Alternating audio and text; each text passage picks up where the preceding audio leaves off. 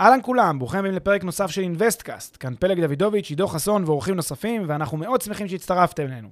הפרק בחסות Rentpo, פלטפורמת השקעות חכמות בנדל"ן עם האנשים שמאחורי InvestCast. Rentpo מאפשרת לכם להשקיע בשקיפות וביעילות בנכסים מניבים, תוך ליווי וניהול מוקפד ומקצועי מקצה לקצה. היכנסו ל-rentpo.com, חפשו השקעה שמעניינת אתכם ותאמו איתנו פגישה דיגיטלית. בנוסף, לפני שנתחיל, נזמין אתכם להצטרף לקהילת המאזינים של InvestCast בפייסבוק. חפשו InvestCast בשורת החיפוש והצטרפו לקהילה. ועכשיו לפרק נוסף של InvestCast.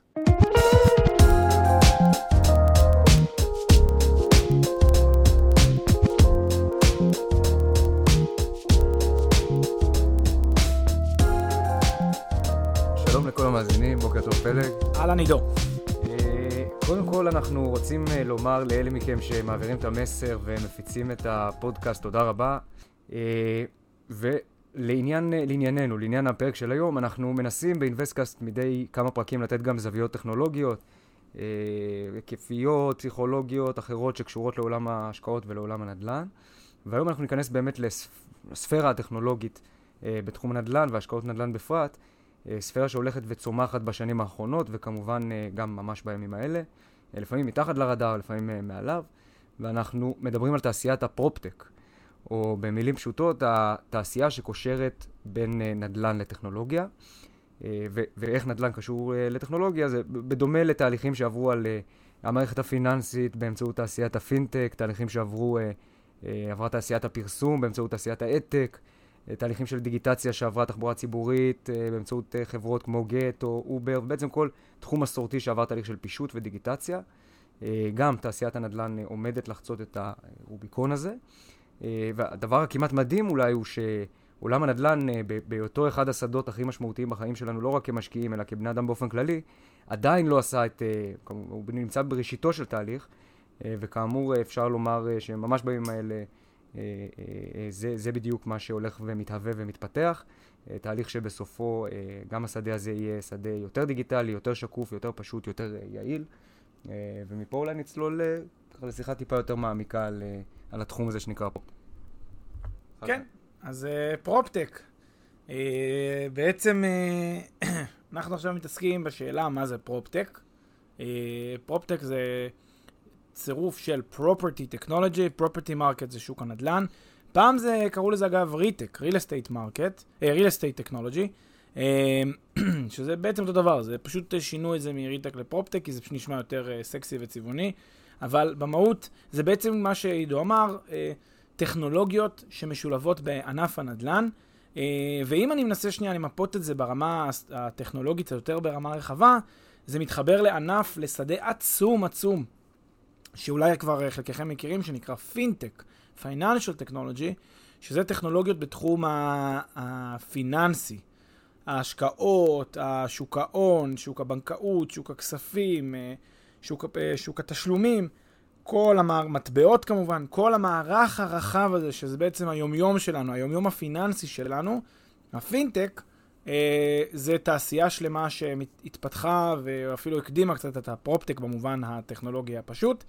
ולמעשה פרופטק יש שמכניסים אותו תחת הפינטק, אבל למעשה אנחנו ורבים אחרים חושבים שזה שדה ממש נפרד לגמרי. ה-property technology, טכנולוגיות בתחום הנדל"ן.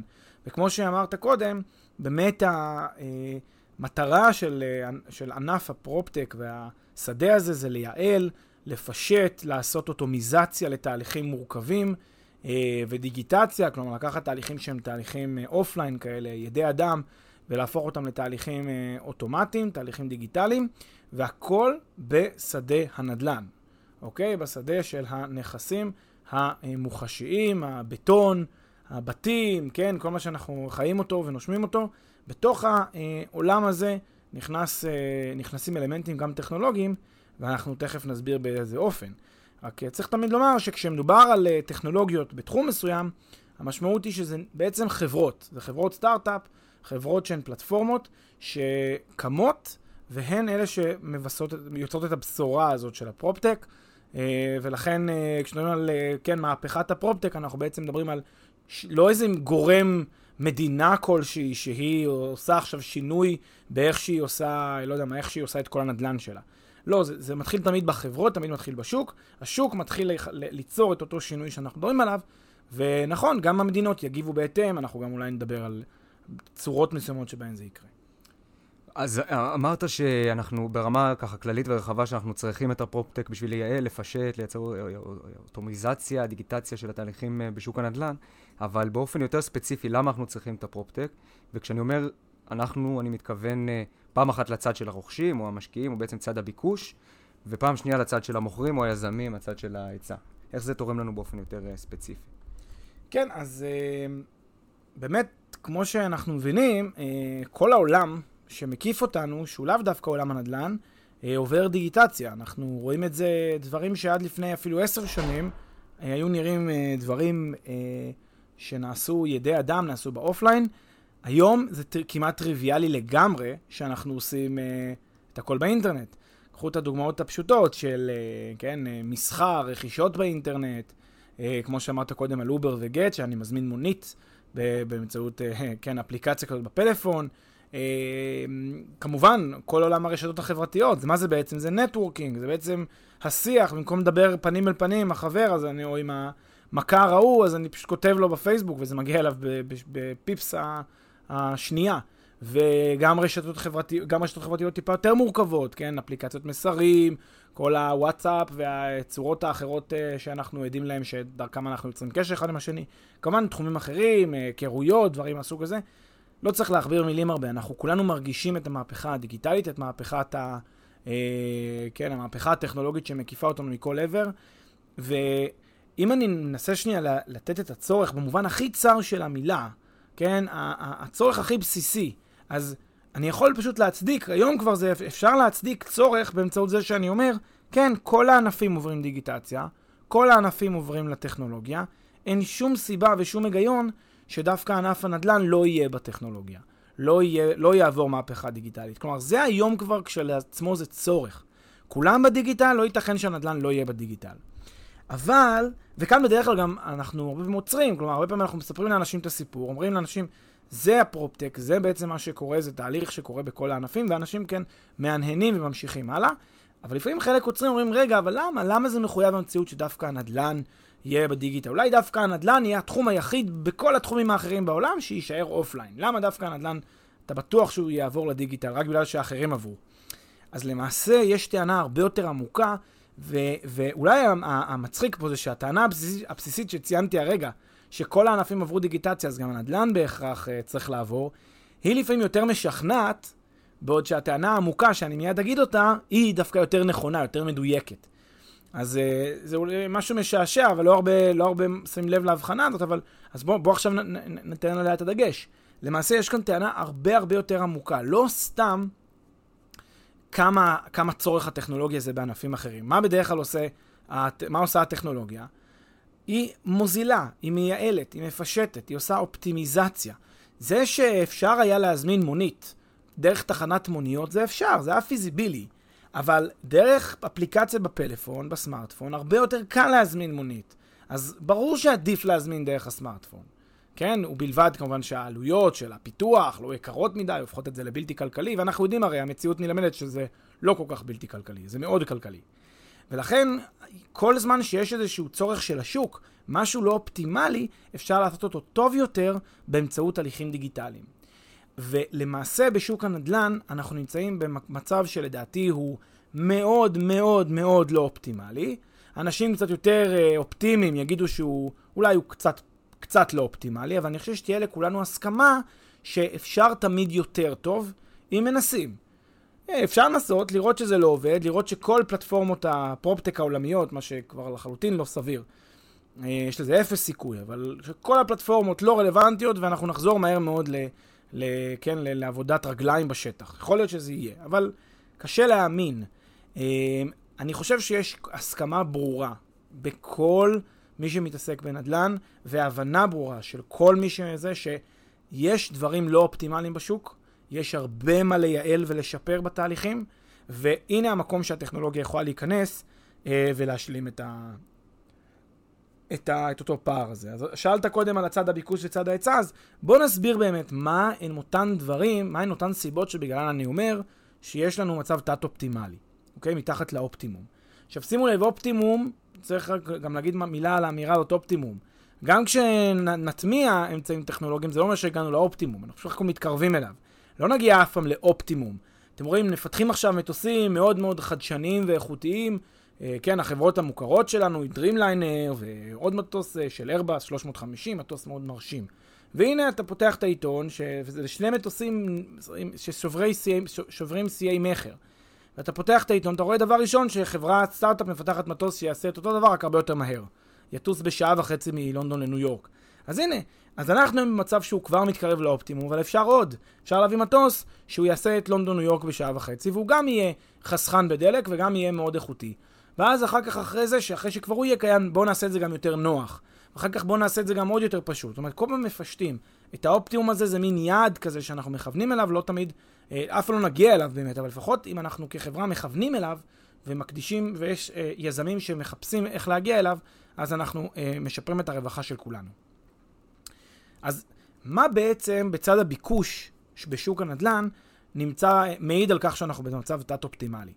אז אפשר לאפיין אה, שלושה או ארבעה דגשים שמעידים על אה, תת-אופטימום בשוק הנדל"ן. הדבר הראשון שהייתי אומר בראש ובראשונה זה פערי ידע. אוקיי? כש... מה, אגב, מה זה, מה זה צד הביקוש? הצד של הקונה. אוקיי? הקונה, בין אם הוא קונה לשם השקעה, בין אם הוא קונה לשם לגור שם, או הסוחר גם, זה גם יכול להיות סוחרים כמובן. הצד שמבקש את הסחורה, את המוצר. אז בצד הזה יש פער ידע גדול. אה, צריך להבין שכשבן אדם קונה נכס, הוא לא יודע על הנכס יותר מאשר מי שמוכר לו. מי שמוכר לו בהכרח יודע על הנכס יותר טוב ממנו. כי מי שמוכר את הנכס, הוא, הוא, או שהוא חי שם, או שהוא בנה אותו, או שהוא לא יודע מה, אז הוא יודע יותר טוב מהקונה.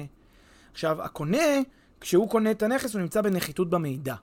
הדבר הזה יוצר פער לטובת המוכר, פער שאין אותו לקונה. עכשיו, הקונה שלנו, הוא כאילו, תחשבו, זו עסקה, שבה אתה יודע פחות מאשר המוכר על המוצר שאתה קונה אותו. אתה יודע פחות טוב.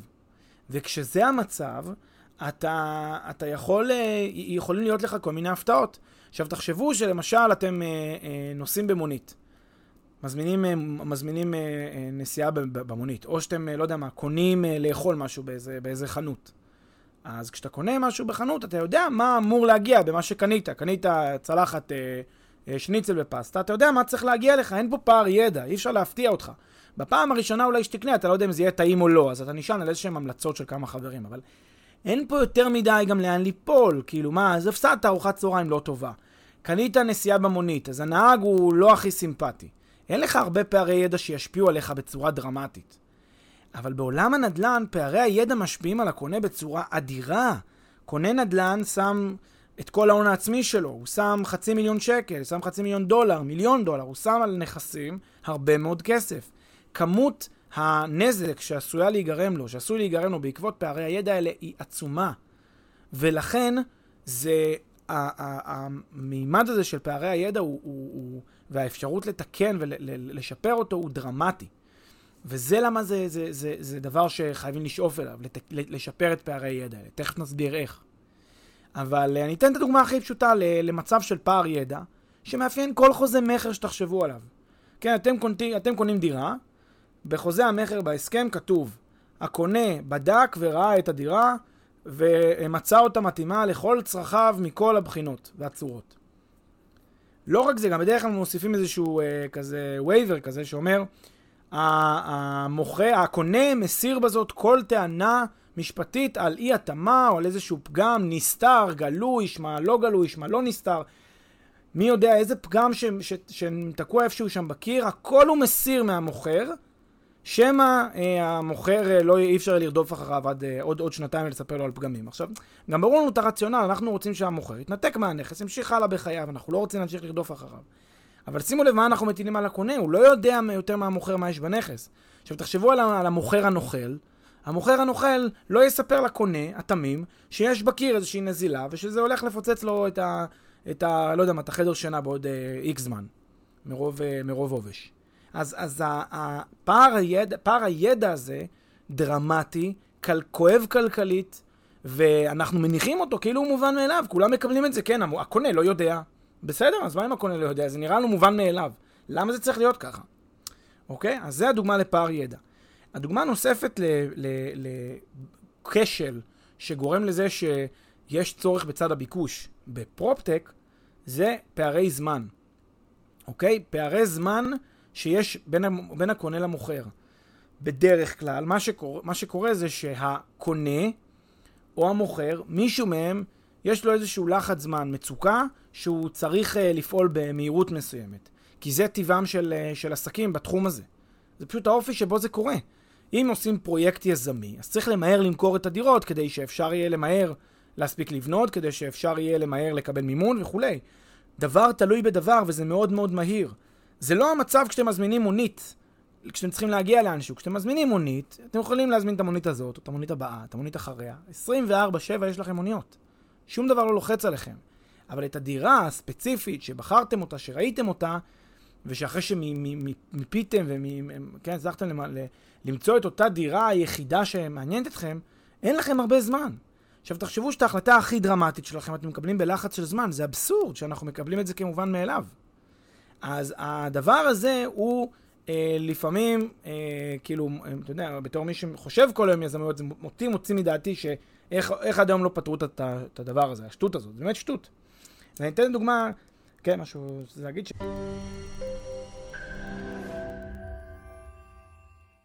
לפני שנמשיך, כמה שניות מזמנכם. הפרק בחסות Rentpo, פלטפורמת השקעות חכמות בנדל"ן עם האנשים שמאחורי InvestCast. Rentpo מאפשרת לכם להשקיע בשקיפות וביעילות בנכסים מניבים, תוך ליווי וניהול מוקפד ומקצועי מקצה לקצה. היכנסו ל-rentpo.com, חפשו השקעה שמעניינת אתכם, ותאמו איתנו פגישה דיגיטלית.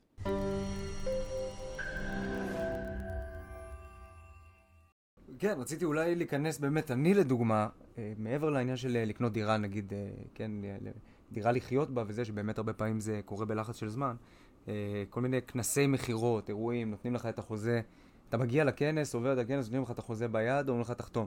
כן, זה מדהים. השקעות בכל מיני מקומות בעולם וכולי.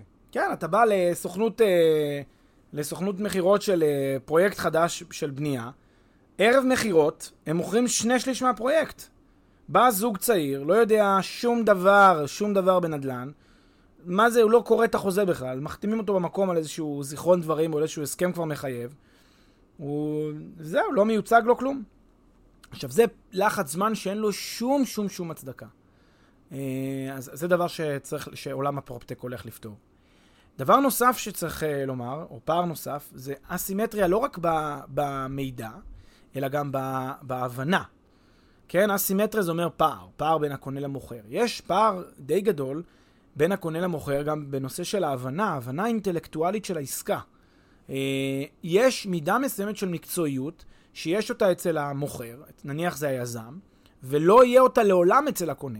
למה? כי היזם עושה את זה for a living, הקונה עושה את זה חד פעמי בדרך כלל, זה לא שחקן חוזר, וגם אם הוא שחקן חוזר הוא פחות חוזר מאשר היזם. ואז הוא נמצא במצב שהוא אסימטרי. שוב, בוא נחזור לדוגמת המונית. האם יש איזושהי אסימטריה בהבנה של מהות העסקה כשאתה מזמין מונית? אתה יודע טוב מאוד מה אתה הולך לקבל, אתה, אתה גם נהג בעצמך, אתה יודע איך זה לנהוג, אתה, מה אתה צריך לחשוב פה יותר מדי על אסימטריה. אז, ו, ודווקא ב, ב, בשוק המוניות, אז יש מהר מיזמים כאלה שפותרים uh, צרכים אחרים. אז קל וחומר שבנדל"ן צריך את זה, כשיש לך אסימטריה כזאת מובנית בין היזם לבין הקונה. לא צריך שתהיה אסימטריה כזאת. הקונה צריך להבין על מהות העסקה, כמו שהיזם מבין על מהות העסקה. לא- כלומר, או לפחות למצוא דרך לגשר לקונה על אותו פער אסימטריה באמצעות משהו, כלשהו. תכף נסביר מה, שוב, מה שהפופטק עושה, אבל לפחות אנחנו מבינים שיש את הבעיה הזאת. זה, זה המצב השלישי, והמצב הרביעי, או הדוגמה הרביעית לכך שאנחנו צריכים, אה, שאנחנו רואים צורך מיוחד בפופטק מהצד של המשקיע, או הקונה, זה בהיבטי ניגודי העניינים. עכשיו, תחום הנדל"ן הוא תחום שמסורתית, תחום שהוא מאוד מוטה לניגודי עניינים, למה שמכונה עסקנות, כמו שאנחנו אוהבים לקרוא לזה, אה, מאכריות יש כאלה שיגידו, תחום כזה שכזה אנשים אה, חיים את השטח כזה, מכירים את ההוא בשמית, כל אחד מכיר את השני. בתחום הנדל"ן, זה, תחשבו כמה גדולה התעשייה, תכף נראה את המספרים, תחום ש... מבוסס חלק גדול ממנו על הדברים האלה, על הקשרים האישיים, אבל בחלק הלא נעים של הקשרים האישיים.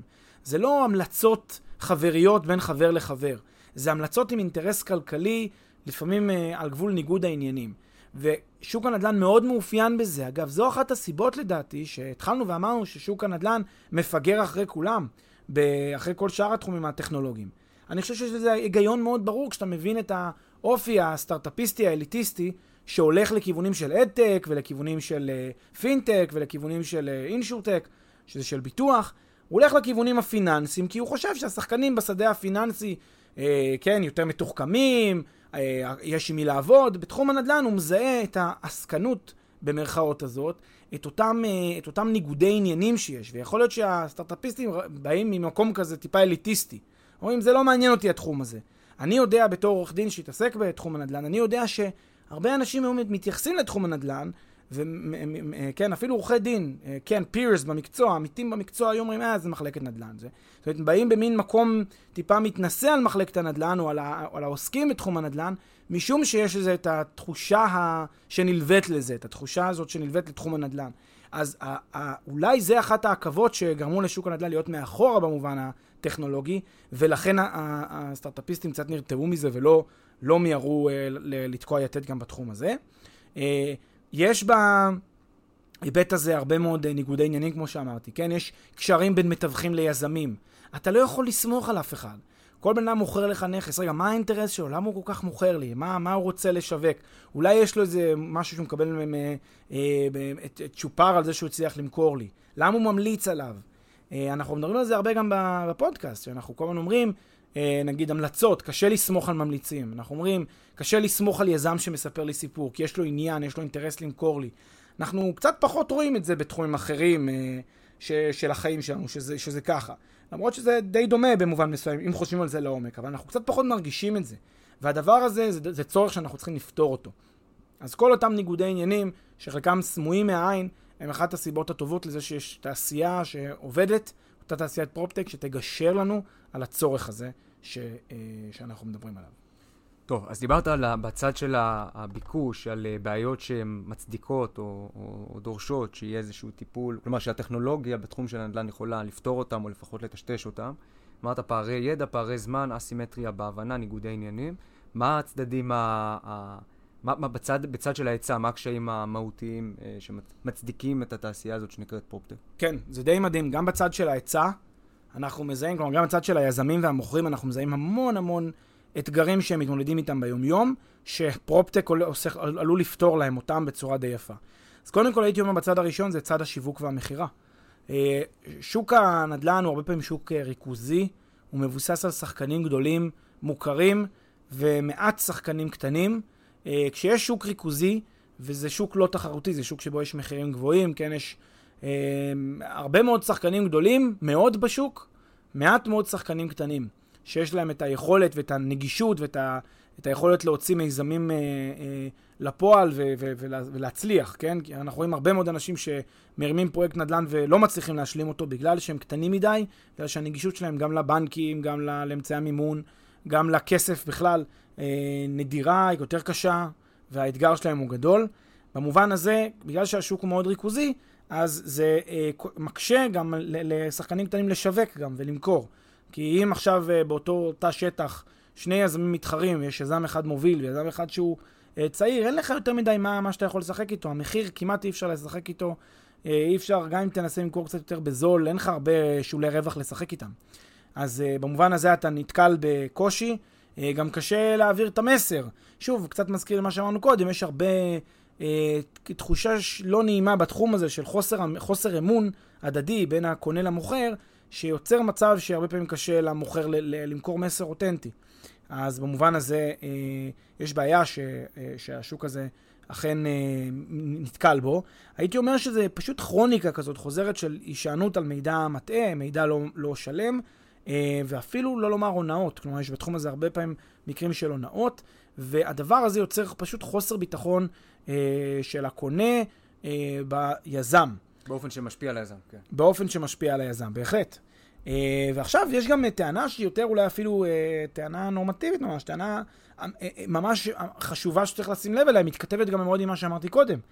בגלל הדבר הזה, הרבה שחקנים איכותיים מהממוצע, כן, אני, אני עכשיו יזם מאוד איכותי. אני יזם שמספר רק את האמת. יש לי מקום בשוק הנדל"ן, כשכולם מספרים של לספר רק את האמת, כשכל הבניינים שנבנים לידי, בונים פה חמישה בניינים לידי, אני רואה שהנתונים שהם מספרים לא נתוני אמת, כי הם מספרים משהו אחד על השכונה, ואני יודע מה השכונה. כולם מספרים משהו אחד. אני, יש לי, יש לי תמריץ מיוחד לספר את האמת, יש, לי תמריץ מיוחד לדבוק במילה במילה באמת, אז מראש הכרוניקה היא כרוניקה שנשענת על, על חוסר אמיתות, על, על, על חוסר... אה, אז, אז מה, מה זה עושה לי כשחקן שהוא מעל הממוצע, כשחקן שהוא אמין יותר מה, מהרגיל? זה גורם לי לרצות לצאת מהשוק, לחפש שווקים אחרים. ואז זה שוב, זה מוריד את, חז... משאיר את הנדלן באותו מקום של שוק שנשען על אה, חוסר אמינות. שוק שנשען על, ה... על המצגים האלה. ו- וזה אולי מתקשר, כלומר, זה גם יזמים בנדל"ן, אבל לפעמים זה אולי מתקשר גם למה שאמרת קודם לגבי הסטארט-אפיסטים שמנסים להתרחק מהפיק. בדיוק, כן. בדיוק. זה בדיוק ה... אולי אחד המניעים שלהם. אומרים לעצמם, אני צריך את זה, עזוב אותי. תחום, אה, תחום שאני לא, לא, כמו שאמרתי לך, שעורכי דין אמיתיים מדברים על מחלקות הנדל"ן באופן הזה. כן. Uh, עכשיו יש דבר נוסף, נוסף שאנחנו אוהבים לקרוא לו משפך המכירה, כלומר, הפלואו של המכירה, כש, כשבתור אנשי שיווק, כשאתה מנסה למכור, יש לך, אתה יודע שיש סטטיסטיקה, יש אחוזים, כמות אנשים שנחשפת לפרסום שלך, וכמות אנשים שממשיכה לשלב הבא בתהליך, וכמות אנשים שמגיעה לפגישה, או שמרימה טלפון, או שעושה פעולה אקטיבית. כל האחוזים האלה מאוד מאוד מאוד מצטמצמים עד שמגיעים לבן אדם הבודד הזה שקונה, מתוך מאות שראו בדרך. עכשיו שימו לב, בנדל"ן זה הרבה יותר דרמטי מאשר בתחומים אחרים. תחשבו על תחומים אחרים, כן? על uh, חברה שמייצרת, uh, לא יודע מה, uh, אבקת כביסה מיוחדת והיא רוצה למכור. אז יראו את המודעה, נניח 100 איש, יגיד, תספר להם שהאבקה היא מיוחדת, יקנו איזה, לא יודע מה, 15, 20, 30 אנשים יקנו, אומרים, טוב, נשלם, לא יודע מה, כמה, 30, 40 שקל ננסה על האבקת כביסה החדשה. אז מקסימום בזבזנו 30, 40 שקל לשווא. אבל לפחות ניסו. אם היה להם טוב, הם יעבירו את המסר וימשיכו הלאה. ויהיו שגרירים טובים של המוצר. בתחום הנדל"ן זה הרבה הרבה יותר מורכב. חברה שצריכה לשחק על אותם שברירים של בודדים שהם אה, השלימו את התהליך, עבורה זה הרבה מאוד אה, התעסקות מאוד מאוד עמוקה וארוכה בתהליך הזה של לגייס את אותם אה, קונים. כן, אם אני יזם גדול, יש לי 100, 100 דירות בפרויקט, אני צריך לראות אלפי אנשים עד שאני אמכור לאותם 100. תחשבו על תקורות הניהול, תחשבו על ההוצאות שצריך להשקיע, תחשבו על הכמות uh, תקורות פרסום שאני צריך להשקיע. בשביל, אני הולך לראות uh, עשרות אלפי, מאות אלפי עיניים בשביל למכור 100 יחידות, זה מאוד מאוד לא יעיל.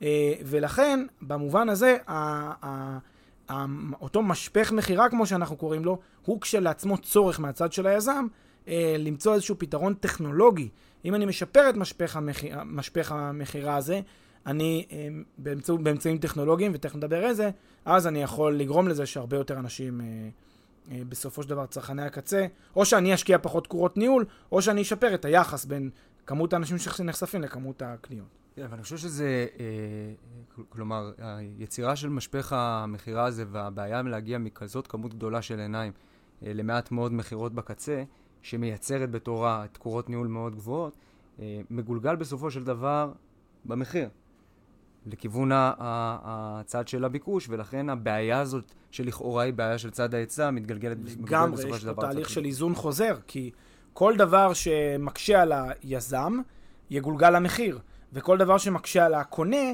יגולגל לדברים אחרים שמשפיעים גם על היזם. שוב, כמו שאמרנו, אם הקונה לא, לא מאמין, אז במוצר, כי קשה להאמין בשוק, אז היזם האיכותי רוצה לצאת מהתחום ואומר, אני אלך לתחום אחר שבו אני יודע יותר טוב למכור את האמינות שלי. יפה, אז דיברנו באמת על, ה, על הקשיים אה, גם בצד של ההיצע וגם בצד של הביקוש, ובעיקר דיברנו על הקשיים. לא אמרנו הרבה לגבי מה פרופטק יודע לעשות uh, כדי לפשט, לייעל, לטייב, להפוך את כל התהליך הזה ליותר uh, uh, איכותי. אז מה באמת uh, תעשיית הפרופטק uh, יודעת לעשות כדי לתת מענה לכל הצרכים והבעיות שדיברנו עליהם עכשיו? אמ, מה שהיא בעצם עושה, זה את כל התהליכים של אה, הרכישה, ההשקעה, הניהול, הידע, הנגשת הידע, היא עושה אותם דיגיטליים, פשוטים, מילה שמאוד חשובה זה שקופים, היא עושה מעין אה, יצירה של, אה, כן, אה, אה, ענן של database של מידע במקום, במקומות ספציפיים באותן פלטפורמות. תחשבו שכל עולם הנדל"ן הולך להיות עולם מיודע ושקוף וגלוי. תחשבו איזה מרענן זה. שאתם תגיעו למשל אה, לקנות אה, דירה או לשכור דירה, אה, לא תצטרכו לעמוד ב... ב כן, הייתי תמונה נורא משעשעת לפני כמה ימים שרואים דירה ב... אני כבר הרבה זמן לא חיפשתי דירה לתל אבל רואים בתל אביב עשרות זוגות עומדים בחוץ בתור ב- להיכנס ל- ל- למצוא דירה להשכרה. אתם מבינים? 2019, עשרות זוגות עומדים בטור אחד ארוך כדי להיכנס לראות דירה להשכרה. איפה, איפה זה נשמע הגיוני? את, ה- את ההזמנת מוניות פתרנו, אז אנחנו לא נפתור את הדבר הזה, זאת אומרת, זה נשמע אבסורד. אז ודאי שיש בעיה, ודאי שיש uh, קושי, זה אחד הדברים שה- שהפרופטק הולך לעשות, זה באמת uh, ליצור שקיפות בתהליך הזה וליצור uh, דיגיטציה שלו, שלא תצטרך לכתת רגליים על שטויות, באמת שטויות. אבל אני חושב שמהאמירה הכללית הזאת, תכף אנחנו, לגבי מה המהות של תעשיית הפרופטק ואיך היא יכולה לפתור את הבעיות שדיברנו עליהן, אולי תכף נרד ככה לכל הענפים בצורה יותר ספציפית, הענפים של תעשיית הפרופטק, ננסה להסביר איך אה, זה גורם לכל מיני תהליכים שונים באופן יותר ספציפי, להיות יותר יעילים ופשוטים, אבל טיפה לפני כן אני רוצה לשאול אותך, רק כדי לסבר את האוזן, תעשיית הפרופטק הזאת, על איזה היקף, אה, אתה מדבר במספרים, מה היקף העסקאות אה, שנערכות באמצעות פלטפורמות פרופטק, מה היקף גיוס ההשקעות של חברות שעוסקות בתחום, מספרים אחרים? כן, כיום אנחנו מדברים על תעשייה ש... יש את המונח טיפה בים, אז במקרה הזה זה טיפה בטיפה. כלומר, אנחנו כל כך קטנים עדיין, תעשיית הפרופטק, לפחות בגלגול הזה, יש, יש כתבה בפורבס שמדברת על מספרים קצת יותר, אה, אה, על, על, על, על היסטוריה קצת יותר רחוקה של תחום הפרופטק, היא אומרת שזה התחיל עוד בשנות ה-80, אבל לפחות הגלגול העכשווי המודרני שלה, אה, של כן, בערך מ-2011-2012 ככה עד היום, אנחנו מדברים על היקף. בואו נתחיל רגע בהיקף העסקאות בשוק הנדל"ן בכלל. אז שוק הנדל"ן הגלובלי, שימו לב, כמות הטרנזקציות מוערכת בסדר גודל של 5,000 מיליארד דולר בשנה. Okay, אוקיי? 5,000 מיליארד דולר בשנה בהיקף עסקאות כולל. לא בפרופטק, כמובן ב, ב, בסך הכל. היקף ההשקעות מתוך העסקאות, כן, מה שמכונה השקעה, לא עסקה לקנות אלא לגור, אלא להשקיע, אה, בשוק הזה מוערך ב-1,800 מיליארד דולר בשנה. אוקיי? Okay, פחות או יותר 40 אחוז, משהו כזה. נכון? בערך 40 אחוז. קצת פחות. שליש. שליש, שליש 40 אחוז, כן. אה, אחר כך נדבר על הפרופטק עצמו. הדרך לבדוק, כן, אחת הדרכים לבדוק את אה, הענף הזה, שענף טכנולוגי, זה לראות כמה כסף גייס התחום הזה, כמה כסף חברות גייסו בו. אז אנחנו מדברים ב-2013, לפני שש שנים, על בערך 4 מיליארד דולר בשנה. אוקיי? זה הגיוס שהיה אז. בשנים 2014-2015 אנחנו מדברים על בערך 8 מיליארד דולר, 8.5 מיליארד דולר בשנה. 2016-2017 אנחנו כבר קופצים ל-13 מיליארד דולר בשנה. אני מניח שאנחנו היום כבר בסביבות ה-15-16 מיליארד דולר בשנה בשקט, אם לא יותר. וכאמור, זה טיפה בים, לא טיפה בים, זה טיפה בטיפה של הים.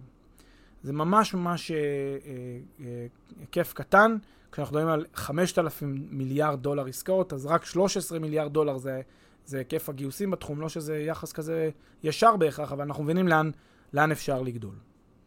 יפה, אז אחרי שצללנו קצת למספרים, בואו בוא נחזור ל, ל, ל, ל, לפרקטיקה של העולם של, אה, של הפרופטק, לענפים שקיימים בתעשייה הזאת. בואו ננסה לייצר איזה עץ ולדבר על כל אחד מהענפים שלו, לפלח את התעשייה הזאת לפי נושאים שרלוונטיים אליה ולהבין איך, אה, איך הדברים האלה עוזרים לנו. בעצם הענפים של הפרופטק, אה, אפשר לחלק אותם בחלוקה קטגוריאלית כזאת. ראשית, ענף המכירות והמסחר, הייתי קורא לו ענף המרקט פלייסים, שזה כולל בעצם את ה... בראש ובראשונה את תחום התיווך. למעשה כל אה, נושא המכירה והרכישה של דירה, אה, בין בצד של הקונה בין בצד של המוכר, אה, יעבור לדיגיטל בצורה מלאה, בתהליך שייקח כמה שנים, אבל הוא יעבור אה, בצורה מלאה. אה, אני לא יודע מה יהיה התפקיד של מתווך uh, שהולך ברגל. אני לא בטוח שהוא לגמרי ייעלם, אבל uh, הוא, הרבה מה, מהתפקידים שלו ומהיתרונות שהוא נותן ללקוח יומרו ל, ל, לרובוט דיגיטלי, כן? לא יצטרכו אותו יותר מדי בשביל uh, רוב הדברים.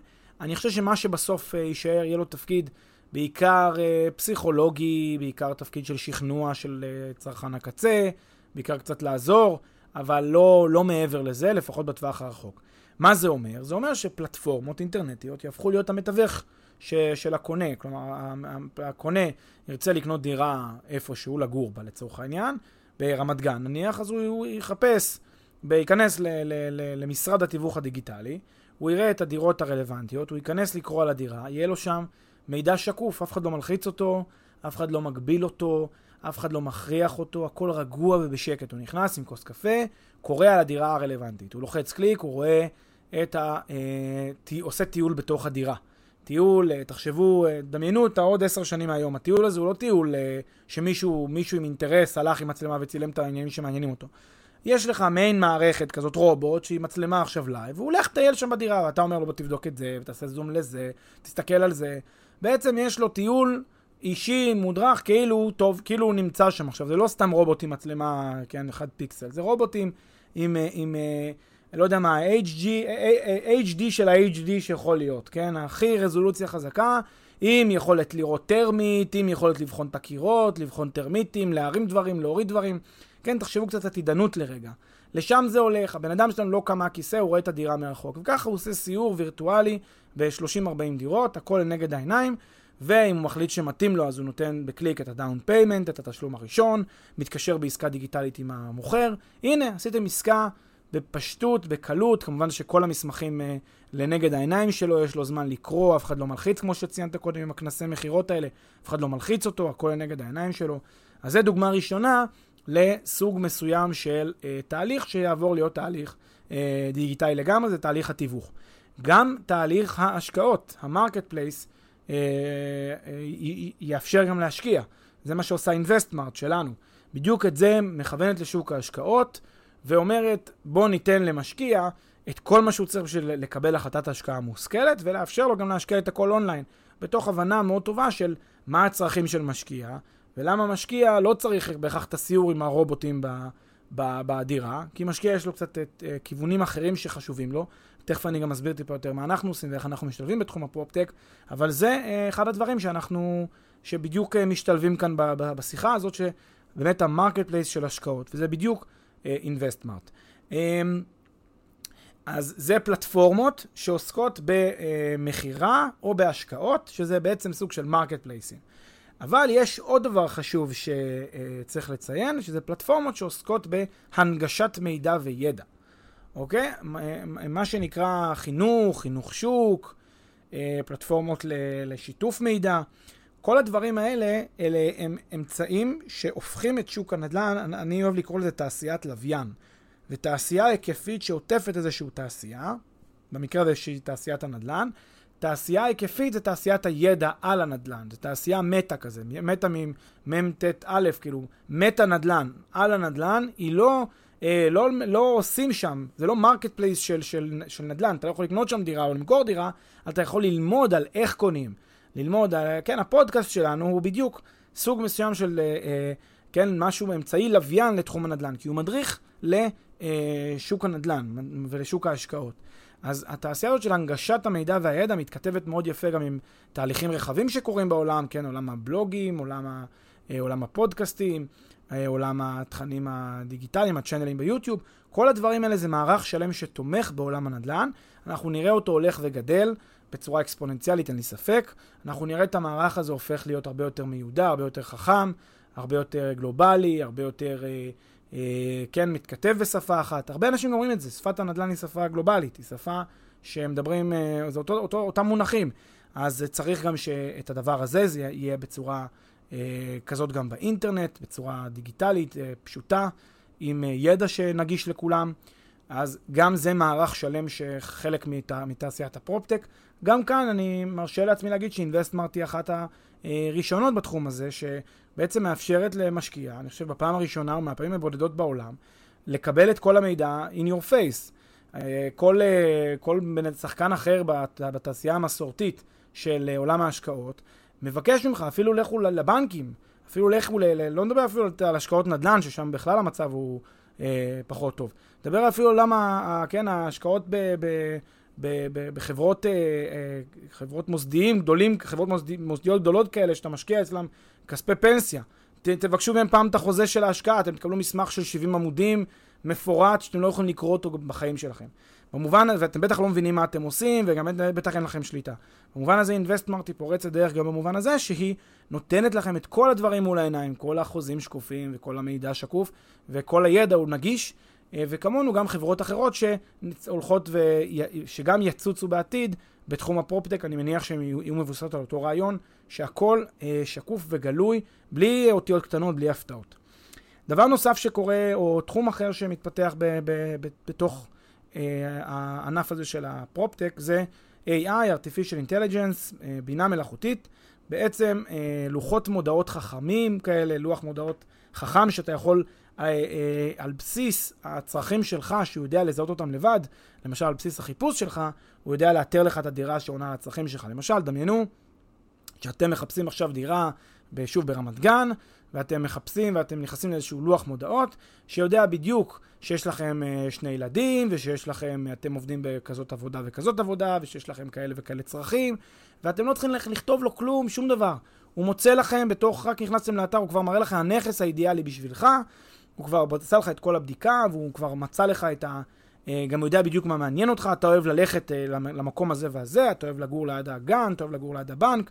בנק, ליד מה, מה שלא יהיה עוד, אה, עוד עשר שנים, בנק זה מצחיק שבכלל אמרתי את זה בפרק על פרופטק, אז את, הוא יודע לאן אתה, מה חשוב לך להיות קרוב אליו, אה, והוא יתאים לך את הנכס בצורה הזאת. זו דוגמה אחת ל-AI בתחום הפרופטק. אה, AI נוסף זה גם בתחום ההשקעות, יש כל מיני פלטפורמות שלפחות מתיימרות ליצור איזשהו מנוע חיפוש חכם שיודע לאתר הזדמנויות השקעה חכמות. עכשיו, אני רוצה גם מיד להגיד על זה משהו שהוא קצת אה, ציני, אבל תכף אני אגיד אותו, אבל מה, ש... מה שעומד מאחורי המנגנונים האלה זה שהן עושות מין אה, מערכת אינטגרציה כזאת, אינטגרטיבית, שמחפשת בשלל אה, מנועי החיפוש, בעת ובעונה אחת, די דומה למה שקורה בעולם הטיסות, שכשיש פתאום מערכת כזאת שיודעת ל... לקחת את כל אתרי החיפוש האחרים, אה, ולמצוא מהם את הדיל הכי טוב שיש לך, הכי, הכי, הכי טוב כרגע לרומא. אז היא עושה את זה על בסיס כל מנועי החיפוש, אז יהיה משהו דומה כזה בתחום הנדל"ן גם כן. רק מה שאני אומר שקצת מוזר בסיפור הזה, או קצת מצחיק, זה, תחשבו שמערכת כזאת, ברגע שהיא קיימת, יש זמן מאוד מוגבל לכמה זמן היא יכולה לייצר לנו ערך. תחשבו על זה ככה, תחשבו שהיה לכם מערכת שמראה לכם ברגע, בכל רגע נתון את כל הנכסים שה, אה, שהמחיר שלהם, על בסיס כל הפרמטרים הרלוונטיים, הוא מתחת למחיר שנהוג לבקש בשוק. הוא מתחת למחיר השוק שלהם, כן? כבר אמרנו בכמה פרקים שדבר כזה הוא די נדיר. אבל עדיין יש פה ושם כאלה. תחשבו שיש מערכת שיודעת להראות לכם את כל הנכסים האלה בזמן אמת. מה יקרה שנייה אחרי זה? לא יהיו יותר נכסים כאלה. למה לא יהיו יותר נכסים כאלה? כי כולם יקנו אותם. וברגע שכולם יקנו אותם, אז גם המוכרים ידעו ש... ש... אז המוכר יעלה את, ה... את המודעה שלו לאיזשהו אתר. פתאום הוא יראה שהוא מופיע באתר AI הזה, שמראה נכסים מתחת למחיר השוק. מה הוא יעשה? ירים את המחיר. בדיוק, עוד לפני שהוא מוכר, אני לא חושב שהם יקנו בכלל. הוא לא שיש הרבה התעניינות, יעלה את המחיר, ומחיר השוק. בגלל זה, זה מה שאמרנו, גם אז אמרנו את זה, ככל שהשוק יותר מיודע, ככל שתעשיית הלוויין יותר מפותחת, ככה לא, לא יהיה יותר את אותן הזדמנויות שהרבה מאוד אנשים היום בונים עליהן קריירה. אותן הזדמנויות מתחת למחיר השוק, מתחת למחיר השוק. ככל שהשוק יותר מפותח, לא יהיה יותר את ההזדמנויות האלה. כולם יקנו במחיר השוק. אבל מי אמר שלקנות במחיר השוק זה רע? אתם מזמינים מונית במחיר השוק, אתם אוכלים פיצה במחיר השוק, הכל בסדר, אתם לא, לא קרה לכם כלום אם תקנו במחיר השוק, הכל בסדר. אז התפיסה הזאת הולכת להיעלם לגמרי, אה, והראשונות שיגרמו להיעלמות שלה זה אלה שבונות עליה קריירה, במובן מסוים שזה אותן פלטפורמות AI שמחפשות את ההזדמנויות מתחת למחיר השוק. אה, ו- ואני מכיר את הטענה, ומיד מעלים את הטענה הזאת, לא, אבל מה עם ה... אה, כן, מוטיבייטד סלר, אלה שצריכים את הכסף מיד. תהיו בטוחים שהפלטפורמות, שייצרו מיד פלטפורמה שמזהה מוטיבייטד סלר, קונה ממנו את זה במחיר השוק, ונותנת לו מהר את הכסף כדי שהוא יוכל להיות רגוע במחיר, ש... במחיר אחר. כן, אפשר למצוא את הפתרון הטכנולוגי גם למוטיבייטד סלר. אה, בואו נדבר על אה, עוד צורה, שזה פלטפורמות ניהול נכסים. פלטפורמות ניהול נכסים זה בעצם פלטפורמות ש... אה, אפשר יהיה לנהל מרחוק נכסים, אה, remote אה, management, כן, של, של, של נכסים בכל העולם. יהיה דשבורד כזה, מין כזה צג, כמו בבנק, שאתם נכנסים באתר, אתם רואים את הנכס שלכם, אתם רואים מי סוחר שם, אתם רואים את כל הנתונים, אתם רואים את הדיווחים השוטפים, את, את כל החשבונות שלכם ינוהלו שם. הכל יהיה לכם אה, לנגד העיניים, תוכלו לנהל אה, נכסים בצורה נוחה ופשוטה, תוכלו לתת הוראות לניהול מרחוק, כן? תוכלו באותו פלטפורמה לשלם את כל החשבונות, באותה פלטפורמה לעשות, אה, לא יודע מה, מנגנונים כאלה ואחרים לשליטה יותר מורכבת על הדירה. אלה גם פלטפורמות שמתפתחות להן.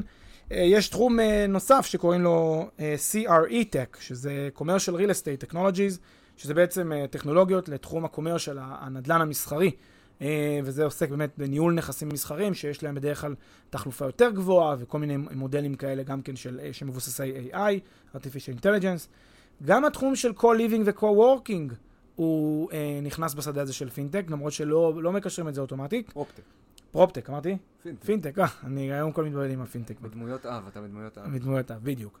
אז, אז ה-co-living ו-co-working הוא בתחום הפרופטק. אה, באיזה מובן? במובן זה שזה, שוב, זה, זה לא, קשה לומר שנניח WeWork זה ממש טכנולוגיה, זה יותר אופרציה, אבל במובן הפשוט זה סטארט-אפ כזה, מעין סטארט-אפ אה, תכ, אה, שיש לו שאיפות טכנולוגיות מסוימות, אז אה, הוא אה, אה, נחשב עדיין בפרופטק. אה, שימו לב שבכלל פרופטק ובכל הטקים האלה לא תמיד מה שעומד במילה טק זה בהכרח טכנולוגיה. לפעמים זה מספיק מודל עסקי טוב או חברת אופרציה טובה כדי להיחשב אה, פרופטק, כן, והדוגמאות הכי טובות זה למשל אמזון. אין פה איזה טכנולוגיה מורכבת באמזון. אה, וזה אחלה של, אה, כן, marketplace שעונה לכל אמת מידה טכנולוגית שאתם אה, יכולים לחשוב עליה. אז גם co-living וגם co-working, כן, כל מיני מתחמי מגורים משותפים או מתחמי עבודה משותפים. אה, וגם פלטפורמות למימון אה, פרויקטים ונכסים, כל מיני פלטפורמות של crowd funding, שזה בעצם מימון המונים, או בעיקרון צריכים לקרוא לזה crowd investing, שזה השקעות המונים, או אה, כל מיני פלטפורמות של קרנות השקעה כאלה דיגיטליות שאפשר להשקיע, או אפילו משהו שגם מתחיל לצבור תאוצה, שהוא גם משותף קצת לפינטק ולפרופטק, שזה מעין משכנתאות המונים כאלה, שבן אדם נותן משכנתה למישהו אחר במקום לעבור דרך הבנק. אז אלה הדוגמאות לתהליכים שקורים בתחום הזה. טוב, ואנחנו רוצים לדבר קצת על אינבסטמארט, על מה אנחנו מציעים, אה, איך אנחנו משתלמים בתעשייה הזאת. בכל זאת מגיע, מגיע, נגיע גם לאינבסטמארט שלנו.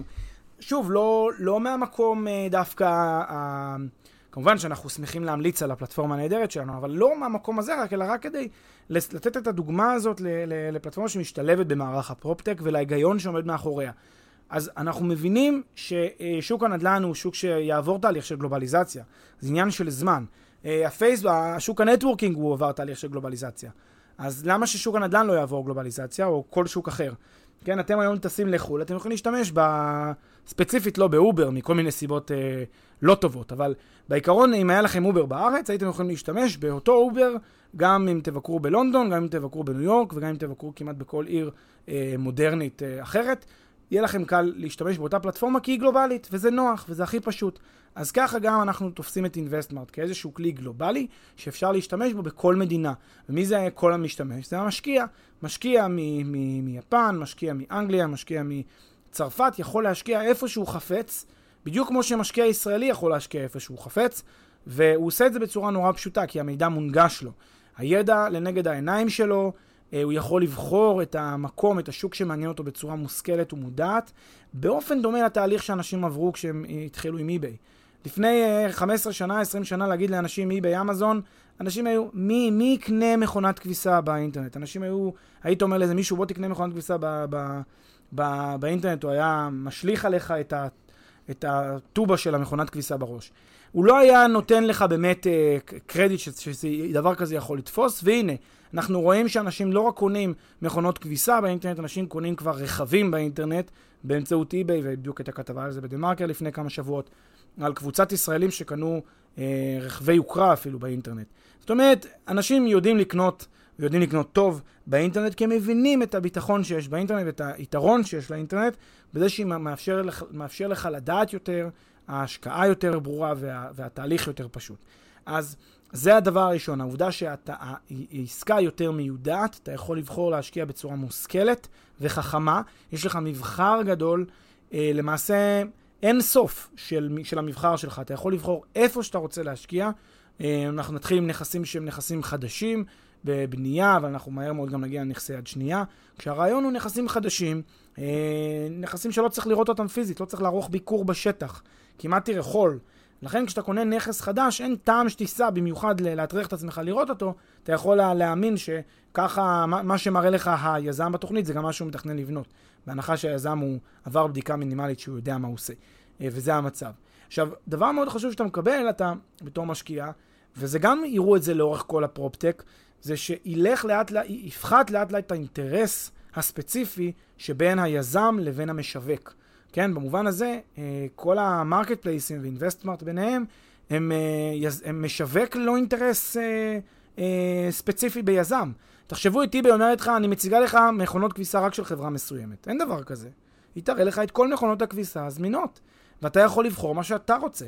אז העובדה שאין לפלטפורמה אינטרס מסוים, אמורה מאוד לחזק לך את הביטחון, שהנה, אני אסמוך על עצמי, אני אבחר מה שאני מוצא לנכון שהוא השקעה טובה. אוקיי? אף אחד לא דוחף לכם, כן, במרכאות פרויקט לפרצוף, אומר, זה הפרויקט הכי טוב בעולם. לא. אתם תבחרו מה, ש... מה שמתאים לכם, הכוח הוא בידיים שלכם כמשקיעים. ומה אתם מקבלים?